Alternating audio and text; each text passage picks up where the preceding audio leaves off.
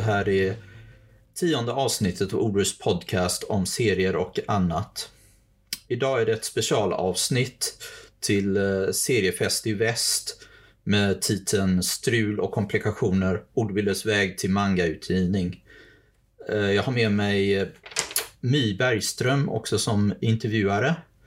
Och My var med och är översättare och var med i första Ordbilders första podcastavsnitt. Hej My! Hej Kami! Tack Hej. för att jag fick komma tillbaka. Ja, du är välkommen. Så, eh, då ska vi prata lite grann då om eh, ordbilder. Du har intervjuat många andra personer som håller på med tecknade serier men mm. lite spotlight på dig och på ordbilder förlag då. Ja, det känns, det känns, lite konstigt att det är jag som inte ska prata massa. Undvika att prata massa så ska vi se hur det, hur det fungerar. Jag, jag, vet, jag, vet ju att det finns en massa intressanta saker med ordbilder mm. så att eh, vi sätter igång. Så ordbilder har ju då funnits eh, och varit aktiva sedan ungefär mitten av 2000-talet. Mm, någonting sånt där. du kunde börja med att berätta lite grann om eh, varför ni startade förlaget och eh, vilka som drev förlaget på den tiden. Uh, varför var lite svår fråga. Egentligen var jag inte så inblandad i början. Det var mest min bror eh, Sari som eh, var med oss alldeles i början och startade upp det.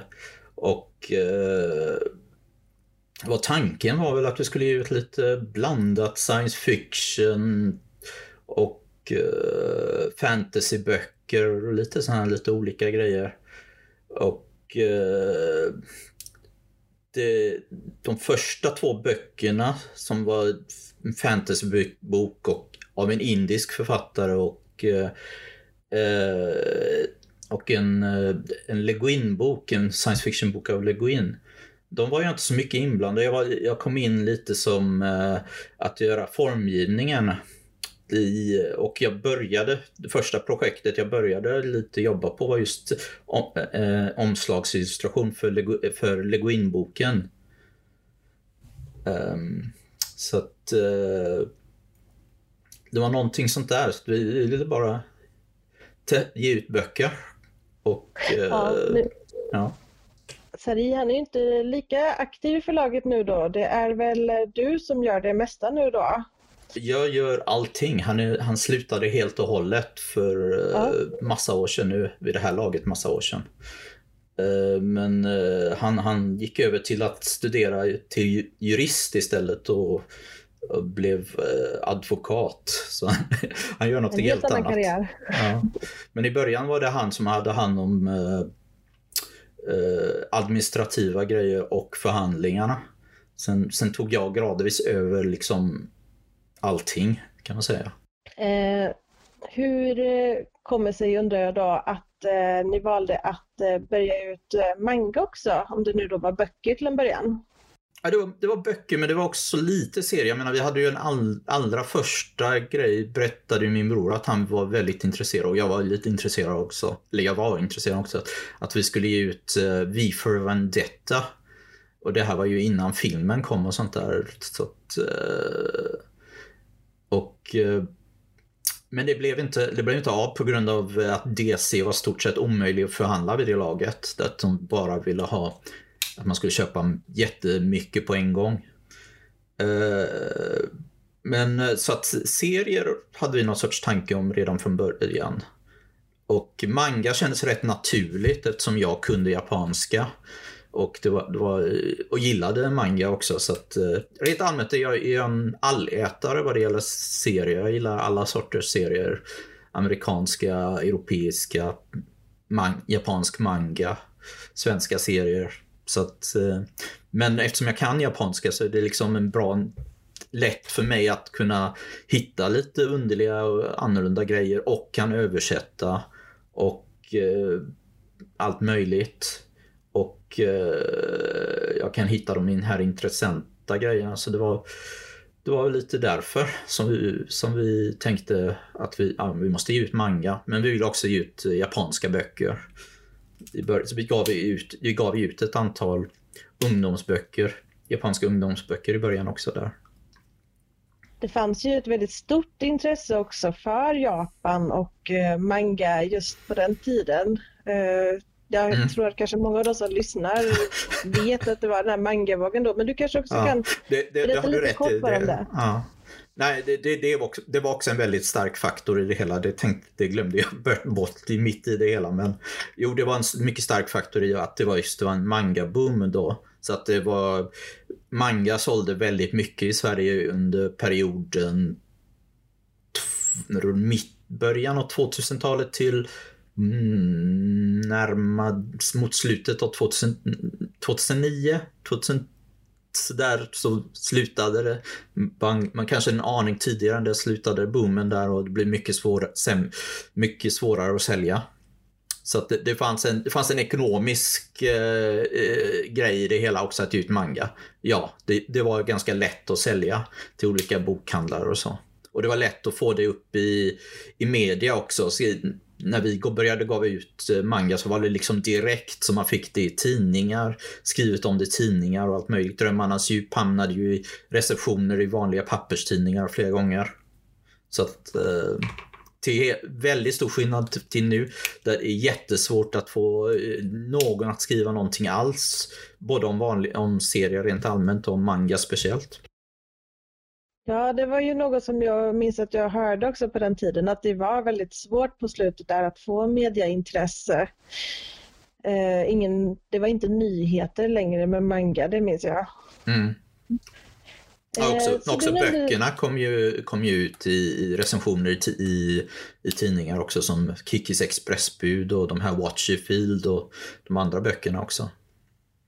Mm. Lite hjälp på traven där då. Mm. Eh, just det, du nämnde Drömmarnas djup. Det var ju den första eh, mangan som ordbilder gav ut. Eh, men jag vet också, för du har pratat om att ni tittade på ett antal serier från Japan och även från andra länder innan ni, det blev just Drömmarnas djup. Kan du berätta ja. lite grann om de här andra serierna du tittade på och varför de inte blev utgivna i slutändan? Ja, det var ju många komplikationer som det var inte så lätt att eh, visade sig att ge ut eh, japanska serier, manga, när, när vi började. Eh, ja, vi tänkte ju att liksom, ja, vi ger ju ut böcker, så det var så superenkelt.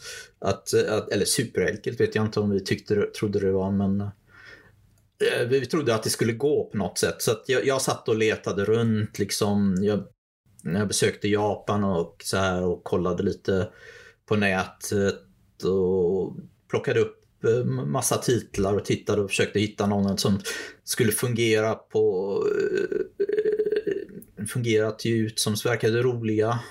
Och då eh, runt, eh, jag vet inte, 2000, jag kommer inte ihåg exakt året, 2006, 7 däromkring, eller 7 kanske var, så, så hittade jag Jotsuba som just hade börjat liksom kommit ut, bara några enstaka album hade kommit. Och Yotsuba är en sån här uh, serie om ett litet barn som är väldigt gullig och mycket humor och, och sånt där. Och uh, jag tänkte, men den, den är ju, den är ju fin. Den kan vi ju försöka ge ut. Så vi uh, kontaktade ju Kadokawa, det var min bror som hade huvudsaken och förhandlingarna då. Och Eh, Eh, vi kontaktade dem och fick eh, hittade mejladressen, eller jag hittade mejladressen och eh, gav den till min bror. Och han kontaktade dem och eh, vi började någon sorts ja, eh, prata med dem och de verkade ju någorlunda intresserade. Eftersom de också var från, från, från japanskt håll var det ju också väldigt intresse på den tiden att försöka sälja så mycket som möjligt till utlandet.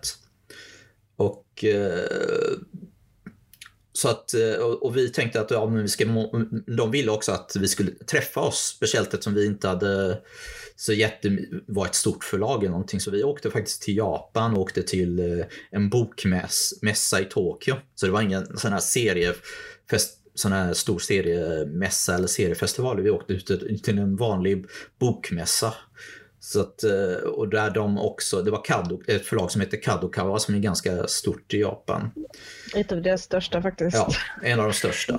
Eh, men, eh, och, och vi, vi bara vandrade runt där och pratade med, fick träffa, vad heter det, jag tror att det var deras president eller någonting sånt där. Alltså, huvudpersonen i, i förlaget liksom och bara fick hälsa och prata med honom lite och väldigt kort och liksom där i eh, bara snackade och det, allting verkade okej okay och sådär och de sa titta runt lite på vad vi har för andra grejer liksom. Så vi tittade lite för de hade ju ställt upp en del böcker och sånt där också på det här. Andra manga-titlar och sånt där.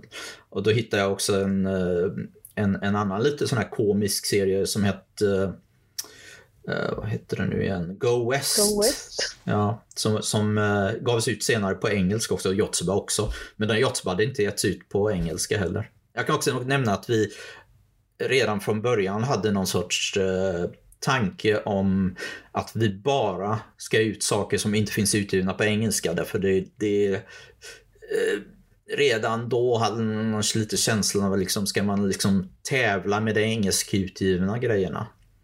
Och, eh, och dessutom vill man hitta sånt som inte fanns eh, på nätet, som inte var pir fanns piratversioner. Så att eh, det var ju serier som hade startat någorlunda tid, mm, inte getts ut på engelska och var någorlunda nya och sånt där. Det blir ju en väldigt litet urval egentligen när man tittar på det för att mm. åtminstone, jag tror att det är ganska illa idag också men på den tiden var det otroligt mycket piratkopior av saker på nätet. Man skannade ju direkt ur de här lite dåligt tryckta där tidningarna när de går i först. Och så åkte de direkt upp kanske dagen efter att de getts ut, ibland samma dag. Så att det här var ja. ju liksom jag tror inte det har blivit mycket bättre hade... på det. Men, uh, Nej, mm. man tittar liksom på poolen av liksom, serier som ni kan titta på under de förutsättningarna så är ju mm. den egentligen ganska liten. Då kanske man hamnar på småförlag så som ni gör då. Mm. Ja, nu, nu, nu, för tiden, men just då så var det bara att hitta en bok. Kadokawa var ju ganska stort. Visserligen senare så hade vi också indirekt kontakt med, med Kadokawa genom min, deras dotterbolag och sånt där. Men Eh, vad tänkte jag på? Jo, men i alla fall så, så, så ville, tänkte vi, vi ut den här, som också var fyra delar, den här Go West av, eh, vad heter han? Yu Yagami. Just det, Yu Yagami också. Han, han hade också inte getts ut så mycket av honom. Det var senare så fick han, blev han utgiven också i USA. Det var, hittade lite sådana grejer som senare blev utgivna i, i, USA. Så det visar lite som att vi, det var inte sämre kvalitet på det vi tog utan det var titlar som, som blev populära och som var, det är bara att eh, vi hittade dem snabbare tidigare än alla andra. Eh, men det visade sig trots att allt, eh, att, att allt verkar så positivt vid det där mötet vi hade med dem i Japan. Att när vi kom, sen åkte tillbaka till Japan, till Sverige menar jag, och eh, min bror hade förhandlat. Han var lite upptagen också så att han, han förhandlade sakta så han kontaktade dem och, eh, vänt, och så fick han ett svar några, veck, några, veck, några veckor senare och svarade han några veckor senare. Och så blev det, drogs ut väldigt långt. Eh, de var inte så jätteglada heller över att vi inte hade gett ut någon, några serier, speciellt inte manga, även om vi hade gett ut lite eh, böcker.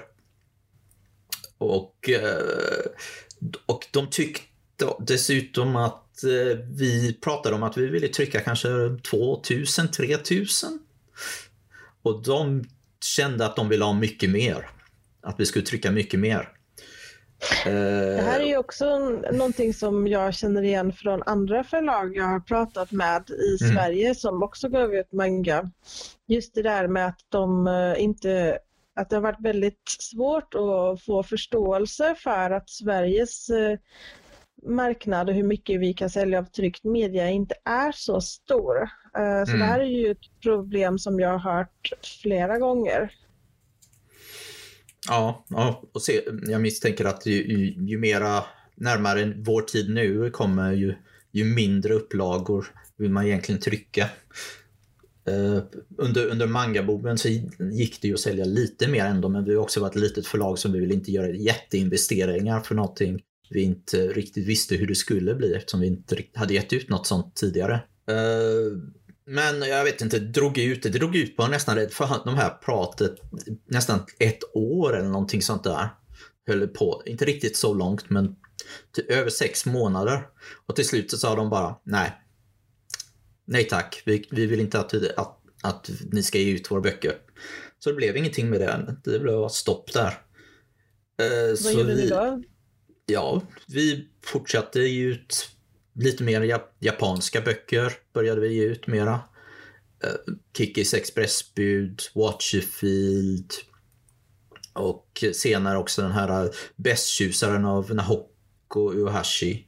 Så det var lite böcker och sen letade, vi, letade jag förstås lite mera och gick runt lite min, till olika, jag gick till den här bokmässan till exempel en gång till året efter i Tokyo och hittade ett litet, eh, väldigt litet förlag som också var ett tryckeri. Som liksom, det var bara en, en, en äldre kill, en gubbe och en, hans fru. Och, eh, och de hade ett litet monter där de sålde, eh, vad heter det, de, de visade upp rätt så gamla serier framför allt.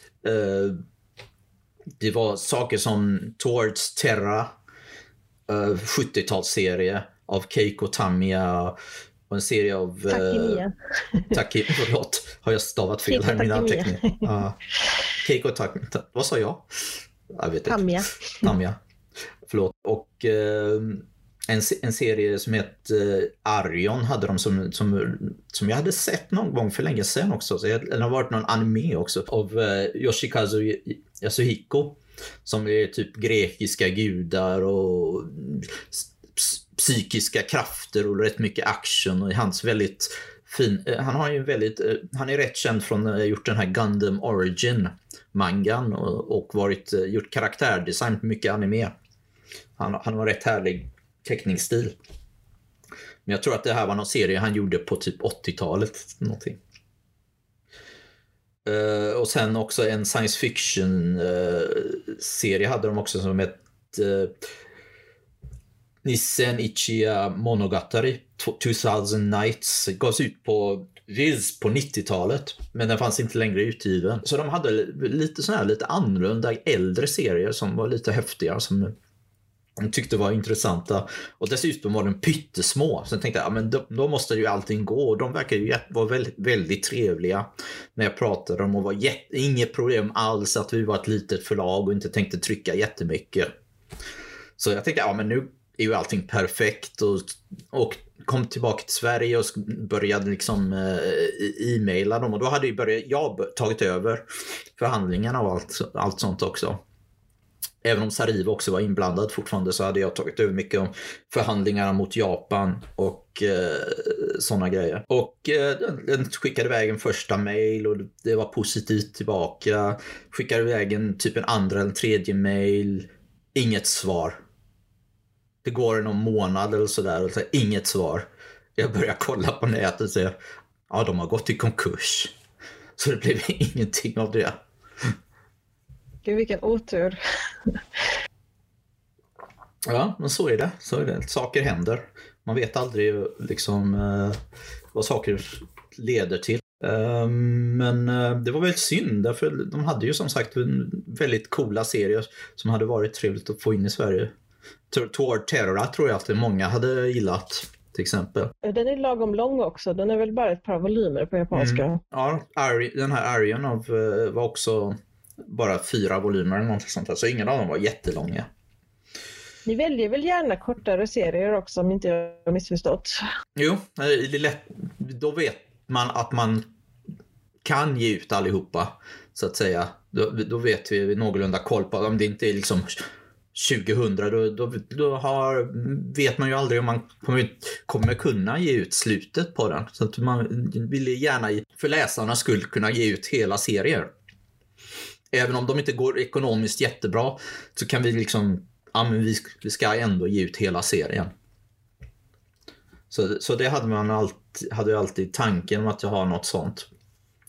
Eh, att, att helst kortare serier och att det blir ekonomiskt lättare för oss att göra den investeringen att vi vet att vi troligen kommer klara av att kunna ge ut hela serien.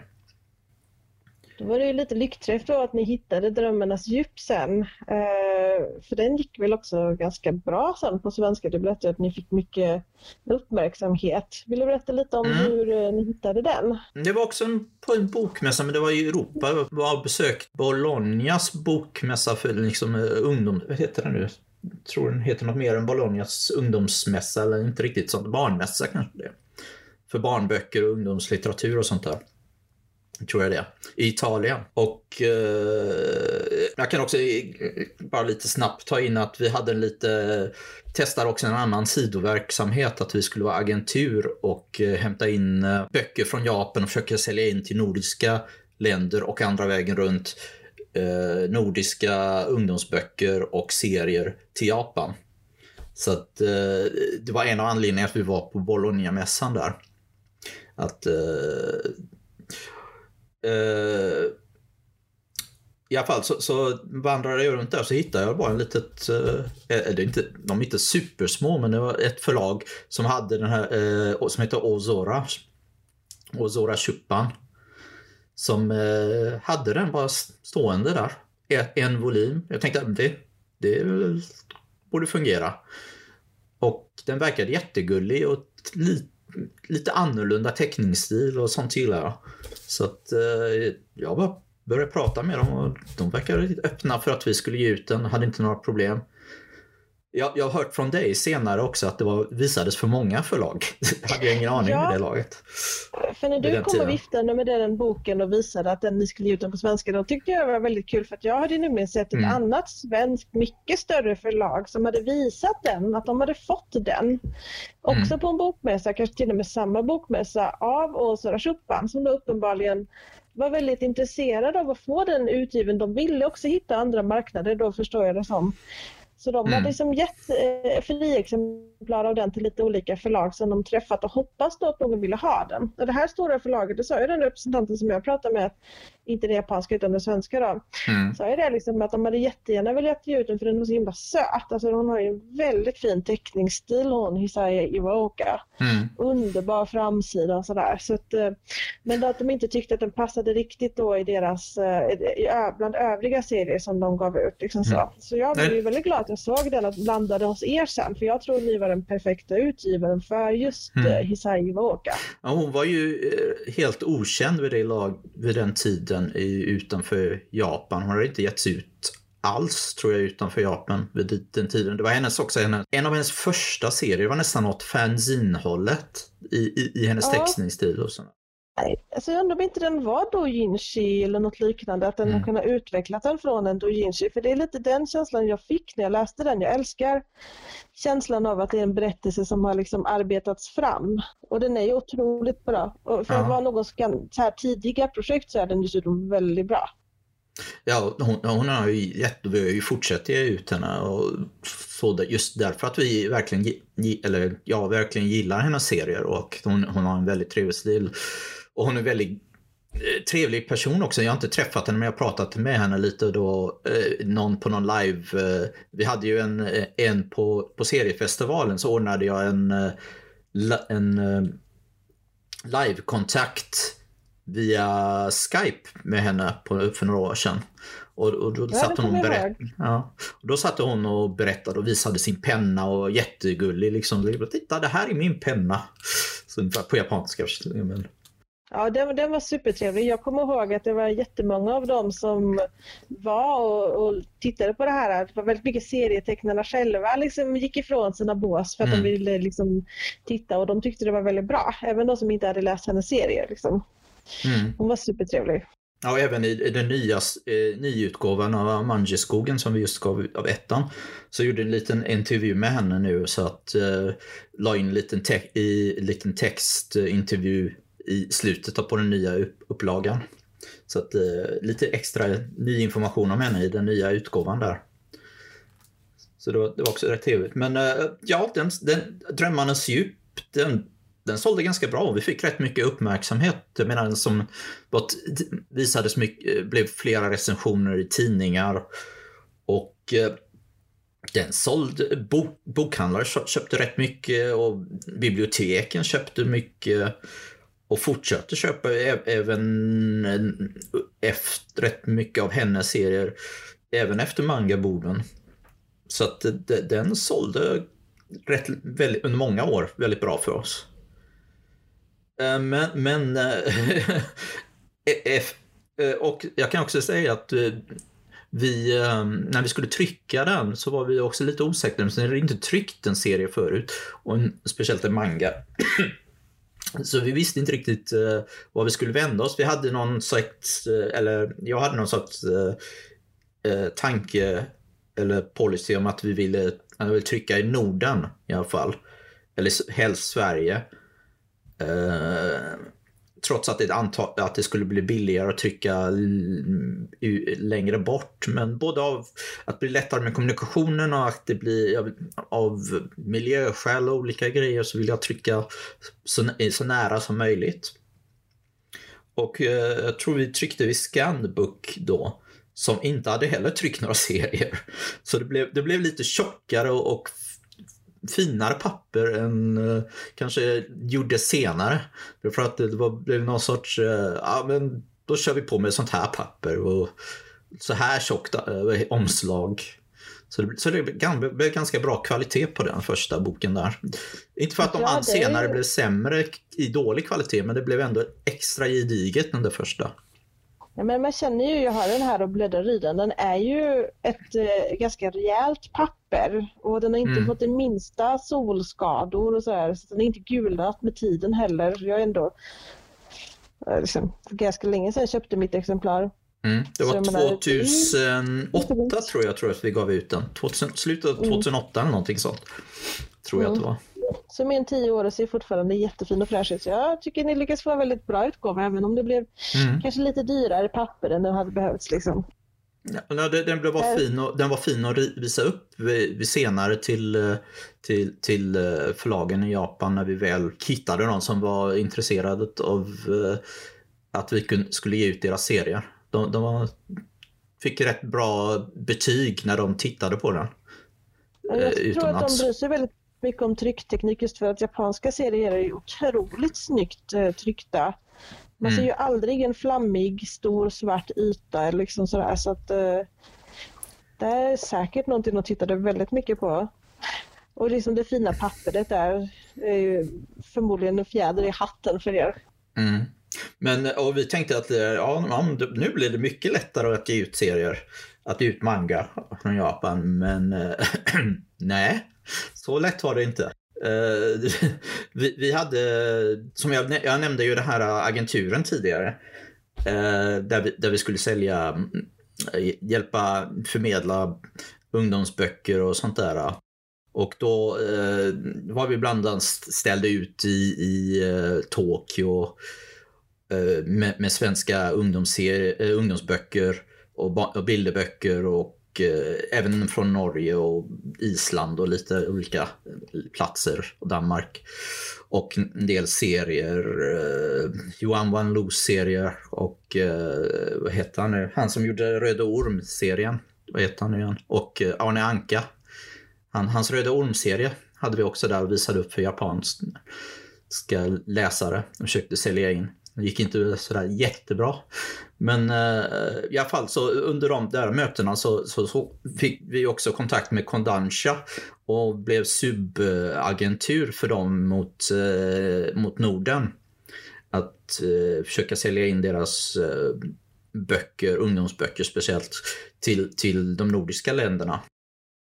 Ledde det till någonting där? Blev det något som blev utgivet? Några, en, några enstaka grejer. Någon enstaka, i alla fall Norge sålde vi någon, bo, någon sån där eh, spökberättelse eller någonting jag minns. Jag minns inte exakt vad det var för någon grej. För någon bok. Uh, så det ledde, det ledde inte så mycket ekonomiskt. Det var därför vi fick ge upp efter ungefär två år eller någonting på det. Så att det, det, det fungerade inte. Det var att i alla fall det hade varit bra idé om vi hade satsat mer på däckar och sånt tror jag. Då hade vi kunnat sälja in mycket mera till, till Japan och sånt där. Därför det, blev, det var ju en stor grej. Uh, ja, jag var med på ett pyttelitet hörn på den tiden för jag fick översätta någon eh, sms-roman, ett sånt här prov som skulle skickas runt till mm. svenska förlag och se om någon nappade. Men det var ju ingen som nappade uppenbarligen. Nej, det, det, var lite sämre, med, svårt att få, i, få in det. Och även i Japan med de, med de svenska grejerna och europe, eh, nordiska böckerna var många som in, visade intresse på, på de här mässorna, både för serierna och sånt. Där.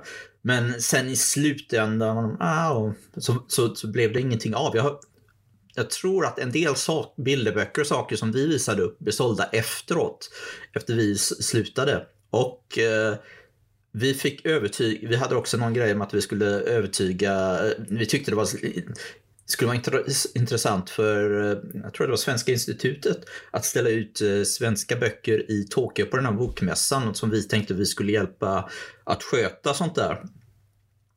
Och eh, de visade ju stort intresse för det.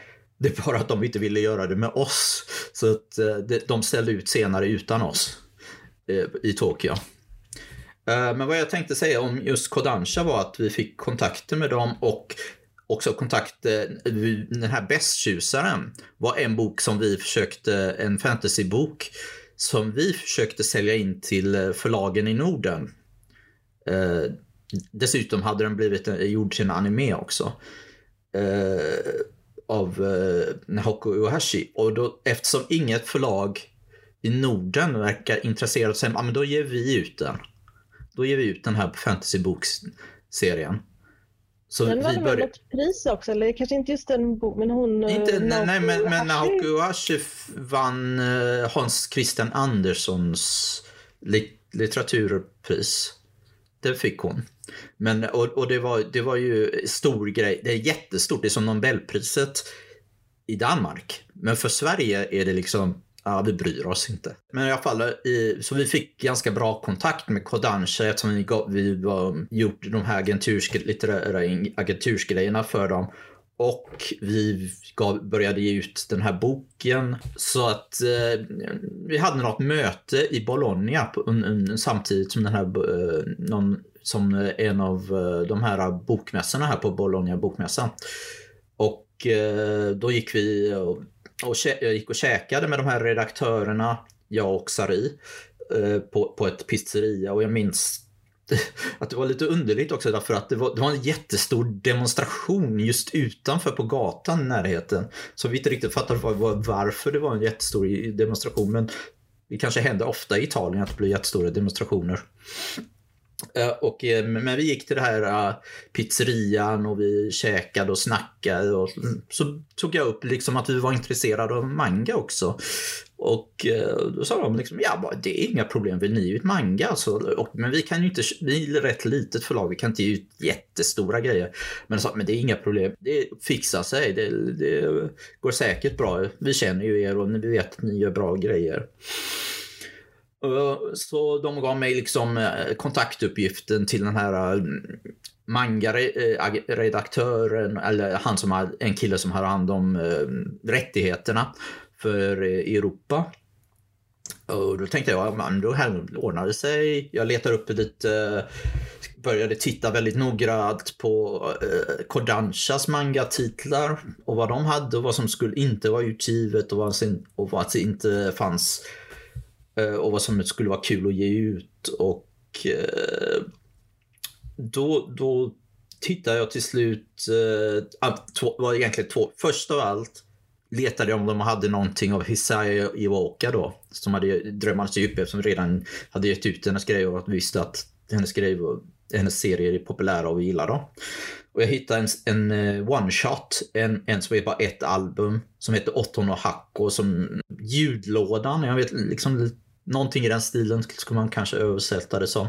Och det handlar om en skolkör i någon mm, som, eh, eh, och, och var en väldigt gullig serie. Och jag tänkte också att det underlättar kanske också att vi har gett ut henne tidigare. Att få rättigheterna.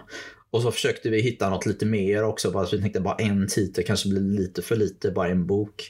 Så jag, jag gillar, eh, sen gammalt gillar jag ju, vad heter det, Yuzo Takadas serier. Han gjorde en serie som heter 3 gånger 3 eh, ögon eller Three Season Eyes eller någonting. Jag kommer inte ihåg den japanska titeln exakta. Men det var sådana action, övernaturligt och grejer. Och eh, jag försökte hitta någon kortare grej som han hade gjort.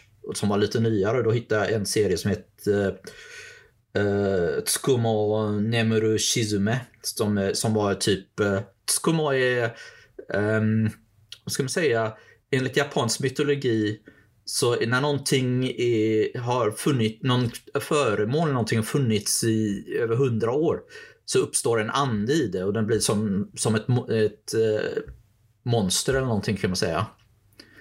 En sorts gudomlighet om det är tillräckligt gammalt. Och det handlar om massa sådana här konstiga, övernaturliga och action och sånt här. Så jag tyckte och det var bara några tre album eller fyra album eller någonting. Så jag tänkte att okej, okay, men de är ju perfekt. Lite action och lite lugnare och lite komedi och lite så har man lite eh, varierade grejer. Och då kontaktade de och de var helt eh, jättetrevliga och så. Men sa till oss, ja visst, det, är, det är inga problem med de titlarna. Men vi vill att ni ska ta de här äh, på 30 album också två eller tre stycken eller vad det är.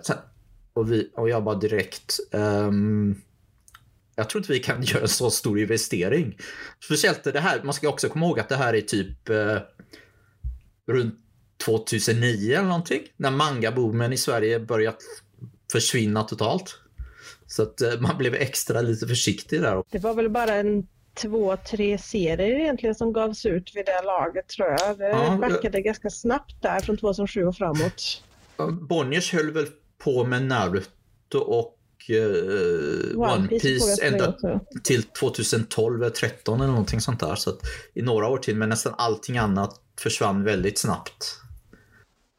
Men jag känner igen den här berättelsen så väl från vad jag har hört från andra förlag också. Just det där med att man kommer med ett förslag, man vill ha de här serierna man tittat ut som man har bedömt kommer att funka i Sverige och funka med längd och liksom tilltänkt mm. målgrupp.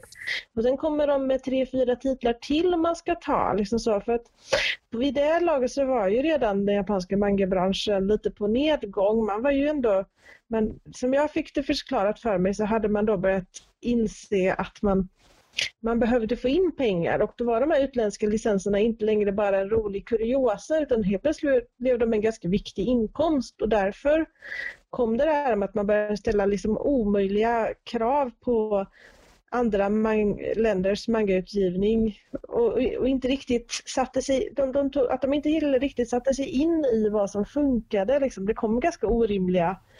Men jag tror, tror, också att det är någonting som är lite specifikt också för de stora förlagen som, som jag, jag tror jag sa när vi började prata också om att DC, amerikanska DC som gör ut Batman och alla de här, de hade en, startade en sån policy rätt tidigt också. Så att det var rätt mycket eh, någonting som amerikanska stora förlag också höll på. Så att det hade nog tagits upp också av de japanska förla stora förlagen.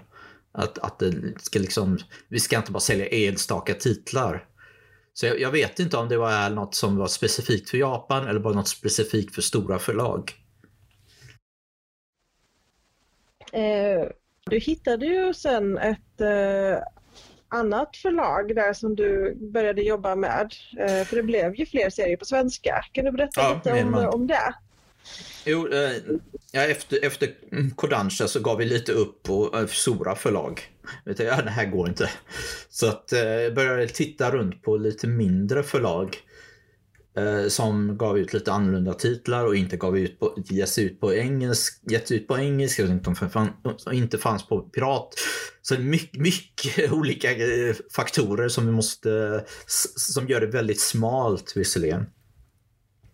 Men eh, jag hittade till slut ett förlag som heter Enterbrain som eh, gav ut um, lite blandat men oftast lite annorlunda serier. Nu, nu är det så visserligen att de var en dotterbolag till Kadokawa. Men de hade ändå eh, min, var ändå mindre. Senare, senaste åren har, de, har Kadokawa däremot sugit upp alla sina dotterbolag. Så att eh, vi satt mot slutet när vi gav ut eh, till exempel Rands magiska värld och så. Så, stod, så stod det inte längre Enterbrain i kolofonerna. Det stod Kadokawa. För de liksom, eh, det var någon period för, för ett antal år sedan där förlagen tyckte det var för dyrt att ha de, alla de här dotterbolagen och ville spara pengar genom att ta in allt i ett förlag de ändrade ju även omslagsdesignen på Rans magiska värld. För jag minns att det plötsligt mm, det var, blev det mycket, mycket mer fokus på skulle vara helhetsfigurer och liksom vet här, mm. Ran som söt tonåring. Så det var mer sådana bilder liksom. Det, det, det, finns, vi har ju inget bevis för det men det var exakt samtidigt som de gjorde den här samman eh, satt ihop alltihopa blev ett förlag. Så att det är möjligt att de här nya Kadokawa-personerna eh, tyckte att ville ändra allting och var mera liksom det här säljer bättre och sånt där. Men det har jag inget bevis för. Men det är fullt jag är övertygad om det. Det var jättetydligt sådär. Från de här fina detaljerade små berättande omslagen till helt plötsligt mm. två stora helbilder som hade en helt annan stil än de tidigare fem omslagen. Så jag är övertygad om att det var någon som tänkte att Bishojo säljer bättre. Mm. Men eh, om jag går tillbaka lite bara snabbt på just det vi hittade i början där, eller det, det jag fastnade för när jag tittade på Enterbrains utgivning, eh, så var det... Jag tänkte, jag tänkte, jag hade också någon touch tanke då att det var mot slutet av eh, 2009, däromkring, 2010. Att eh, de som hade läst manga kanske börjat lite mer vuxnare nu. Då tänkte jag, ja men då försöker vi lite mer mm, aning vuxnare serier och se om det fungerar. Så jag, jag hittade den här lite actionorienterade science fiction splatter-serien som bara var fyra delar. Som inte gick att hitta någon annanstans. Eater var, pratade om Eater, då. Eater, ja, precis. Om Masatoshi Usune. Och eh, som var eh, bara mon, väldigt detaljerade tecknade monster och lite humor gavs ut, gavs ut för första gången 91, 1991 eh, i någon Jump tror jag faktiskt, tidning. Men eh, när det var väldigt inne med uh, mer action, realistiskt tecknade så den kom ut ungefär samtidigt som Parasite och Berserk och de här. Men, den har ju verkligen den där 80-90-talsstilen också på mm. figurer och sånt där. Precis. Och det här, Enterbrain hade återutgett den samtidigt som de gav ut en annan av hans serier som heter Desert Punk. Så att eh, den var kort, bara fyra delar. Den var action. Och så tänkte vi någonting mer lågmält och trevligt. Och då hittade jag också en serie som heter som handlar om kaffe och kaffedrickande. Och så var det liksom mysig, väldigt annorlunda teckningsstil. Och eh, var lite Eh, ja, rätt annorlunda. Inte det som de flesta associerar i Sverige åtminstone med, med manga. Och den en, heter En kopp kaffe till. Och det var den som du, övers, första, eh, du, du, du översatte åt oss av mangatitlarna tror jag. Ja exakt. Det var ju, först var det Kikis Expressbrev men det var ju en bok och sen det här då, min första manga för er då. Den var ju väldigt kul att jobba på, väldigt så här annorlunda språk. Jag tror inte den påminner om någonting annat som jag översatt till svenska. Mm. Lite sådär introvert, lite kufiskt, lite fantasy, lite realism. Helt plötsligt en, en historisk serie om en, en eh, person vars böcker den här författaren tycker om. Och sådär. Han var ju väldigt så gammaldags person liksom sådär, i, i sin smak och allt det där var ju mm. väldigt ovanligt för att se liksom, manga, översatt manga. Liksom. Jag vet inte, har det kommit någonting på engelska nu i efterhand av honom eller? Ingenting. Han har getts ut på koreanska. Men jag har sett att en del eh, eh som kan se manga i, i, USA har pratat om honom däremot och velat att någon ska ge ut av hans grejer. Men han har inte gett ut någonting, vad jag vet, utanför Sverige och Korea. Kanske någonstans. Han har gett ut lite annorlunda grejer och lite kortare grejer och sånt där. Men han har en väldigt speciell... Just, just den stilen finns andra mangatecknare som har liknande stil, stilar i Japan. Så det är inte sådär ingen annan tecknare som honom. Men det, det, det är speciellt. Men det, men det är ändå en väldigt särpräglad stil. Man känner igen hans bilder mm. direkt mm. när de dyker upp och också hans sätt att berätta på med de här korta, han är ju han är väldigt duktig på att göra korta berättelser. Att liksom hitta en bra twist eller liksom att hitta rätt ställe och avsluta en berättelse. Jag är jättebra på det. Så att ni som inte har läst hans serier ännu tycker jag verkligen ska mm. iväg och ta en titt på en kopp kaffe till. Ja, men i alla fall så, så, så gick förhandlingarna till slut relativt ganska bra. Och det gick ganska snabbt att få rättigheterna till de två titlarna. Och vi gav ut dem. De sålde inte jättebra, men, men eh, de, de, vi gav ut dem och eh, sen, sen var det ju inte något stort problem att få fler titlar av, av det förlaget. Så, att, så det blev inga sådär klagomål på att ni tyckte för små upplagor och sånt där utan det gick ganska smidigt att mm. förhandla eller? Mm, jag tror att vi tryckte uh, 4000 eller någonting. Vi hade ju ökat antalet lite mer än vad vi sa till dem de första gångerna vi började ge ut grejer.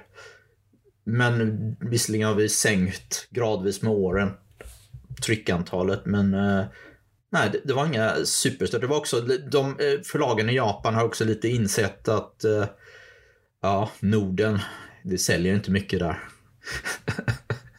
Så att uh, de, de hade lite, lite mer realistiska krav också. Ja.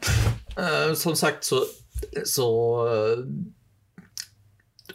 så tyckte, verkade det som förlaget i Japan inte hade lika stora krav på att man ska trycka jättemycket. Så att de, det kanske var en av anledningarna att det blev lättare för oss också.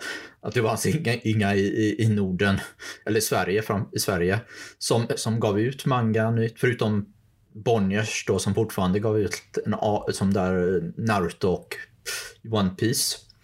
Även om bokhandlarna inte tog in någonting av våra grejer längre. Det var lite frustrerande att se Eh, på vissa bokaffärer, vad heter det, uh, One Piece och Naruto står men inte tagit in någonting av våra titlar.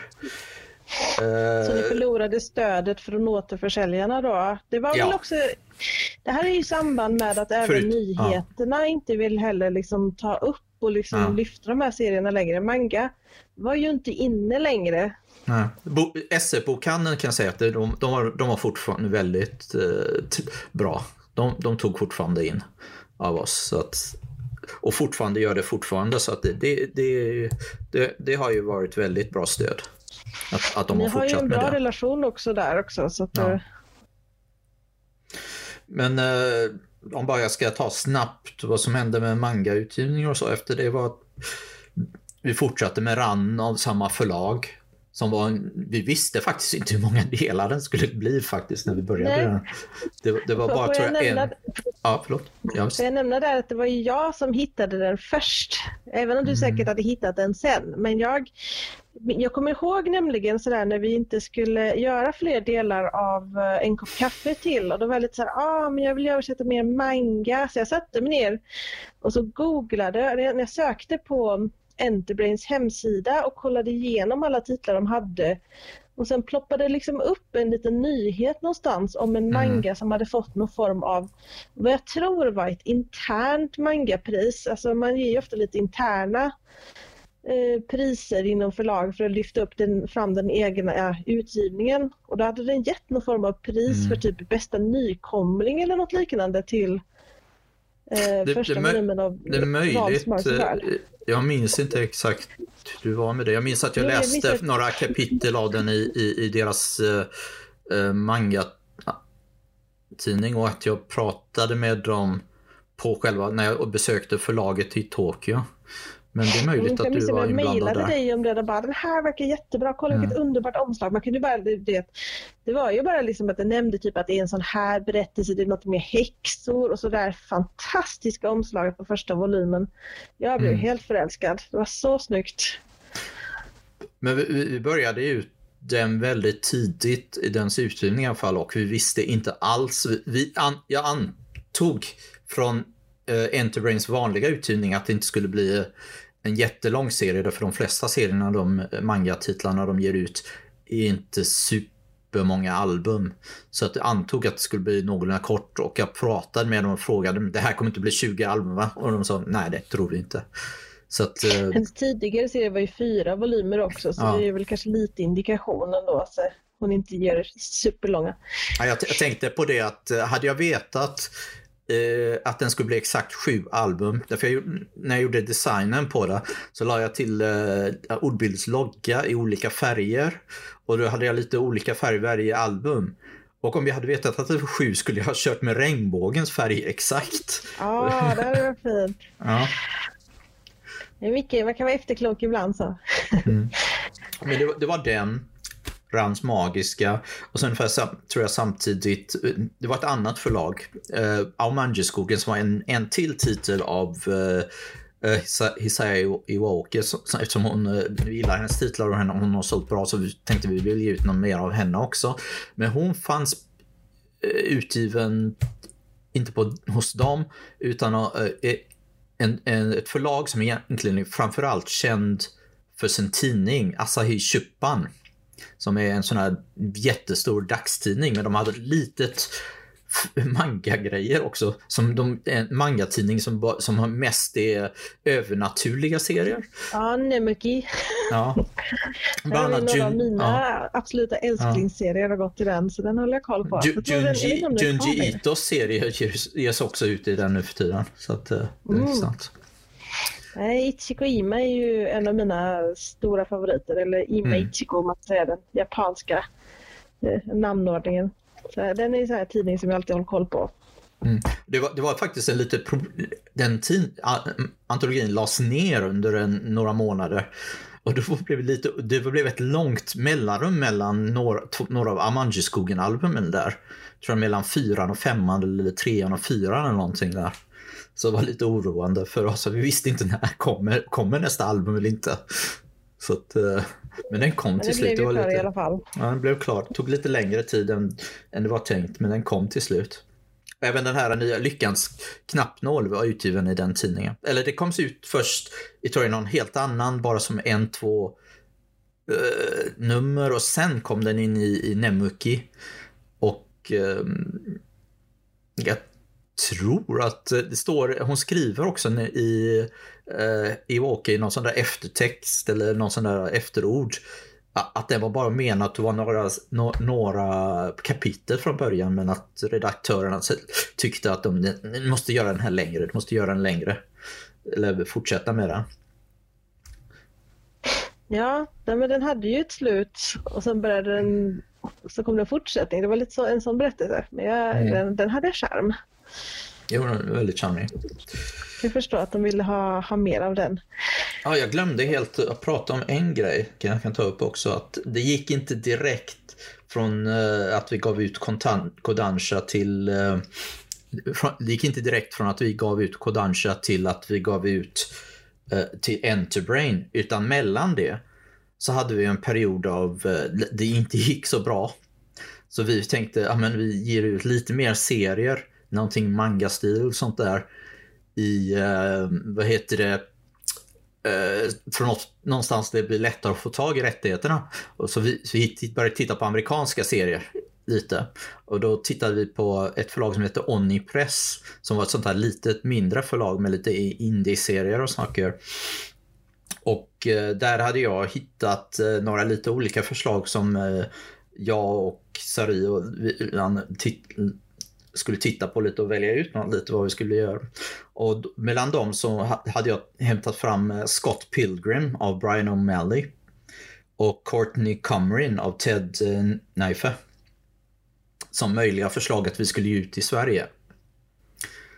Och eh, Scott Pilgrim är ju den som riktigt slått igenom då blev film och allt möjligt. Och jag tror att han fick till och med också besökte en av seriefestivalerna i Sverige. Eh, men eh, och vi tittade på de serierna och eh, jag blev lite överröstad tror jag. Även om jag tycker båda är rätt trevliga så tyckte jag att Scott Pilgrim kanske hade varit bättre att ge ut. Men det var till slut Courtney Crum, Crumrin, Crumrin, den här, den här häxserien om en häxflicka som vi valde att försöka få rättigheterna till. Så jag kontaktade dem och eh, skrev mail till dem och det var tyst.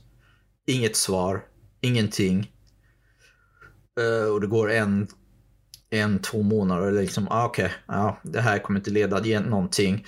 Så jag började kolla annanstans och då hittade jag uh, en serie utgiven i kan Kanada av uh, Matthew Forsyth som heter Ojin Gogo som var lite så här en ordlös, väldigt gullig serie med lite koreansk eh, inspiration.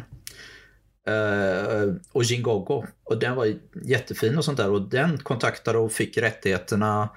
Och eh, till och med vad heter det, tecknaren, han kom på besök till Sverige på en bokmässa när vi gav ut den och signerade. Och var, var jättetrevlig att ha att göra med. Och så det, det gick rätt bra. Och eh, han Matthew Forsyth senare Han, han, har ju jobbat med, som huvuddesigner på den här anime, eh, tecknade tv-serien i USA också. Adventure Time. Så att äh, det, den var rätt bra, gick rätt, relativt bra och det var fint.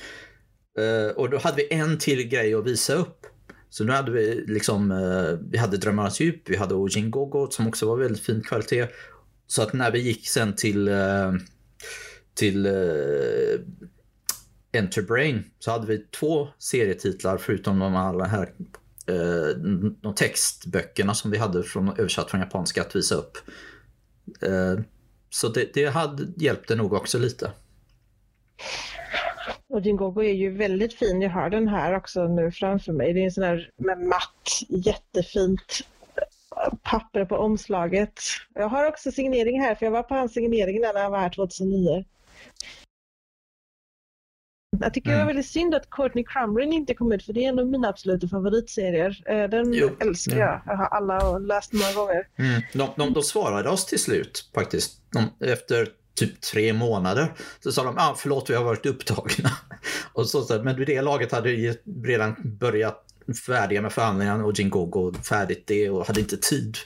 Och mm, börjat mm, få kontakter i Japan också. Då, man hade inte tid, tid och budget att ge ut eh, de amerikanska serierna också. Um, jag kan också bara lite, uh, om jag går tillbaka till bara snabbt till uh, lite strul och sånt. Bara lite, lite avrunda. Så kan jag säga att vi hade lite olika eller som alla förlag, alla som ger ut böcker kanske har problem med. Uh, lite stru andra strulgrejer som, som, gjorde lite som gjorde lite problem. var till exempel när vi gav ut Eater, första albumet. Man, man är alltid lite orolig när man får saker från tryck.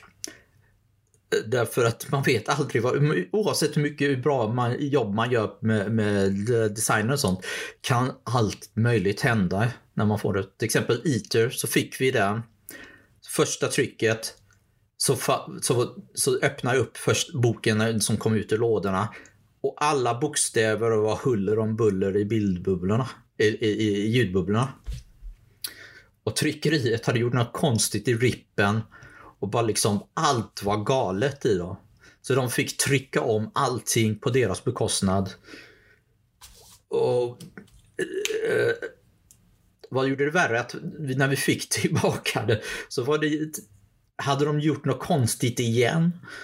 Och liksom det var liksom färgen var smetad överallt så de fick trycka till ännu en omgång på sin egen bekostnad för att fixa till det. Men då, då tycker jag, tackar jag dig för många, ja. många bra svar här.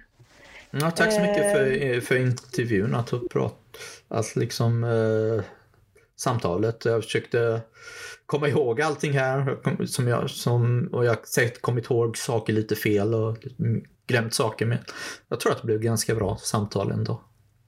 Jag tror vi fått med det mesta. Mm. Så, vill du avrunda podcasten? Jag vill eh, tacka så mycket för, för att du intervjuade mig, eh, My, och jag hoppas att eh, alla tittar på den här när den visas sen på, ser, eh, på seriefest i väst när de lägger upp den. Vi lägger upp den på Youtube också på Ordbilds kanal. Och eh, ja, tack så mycket. Tack för mig. Hej hej.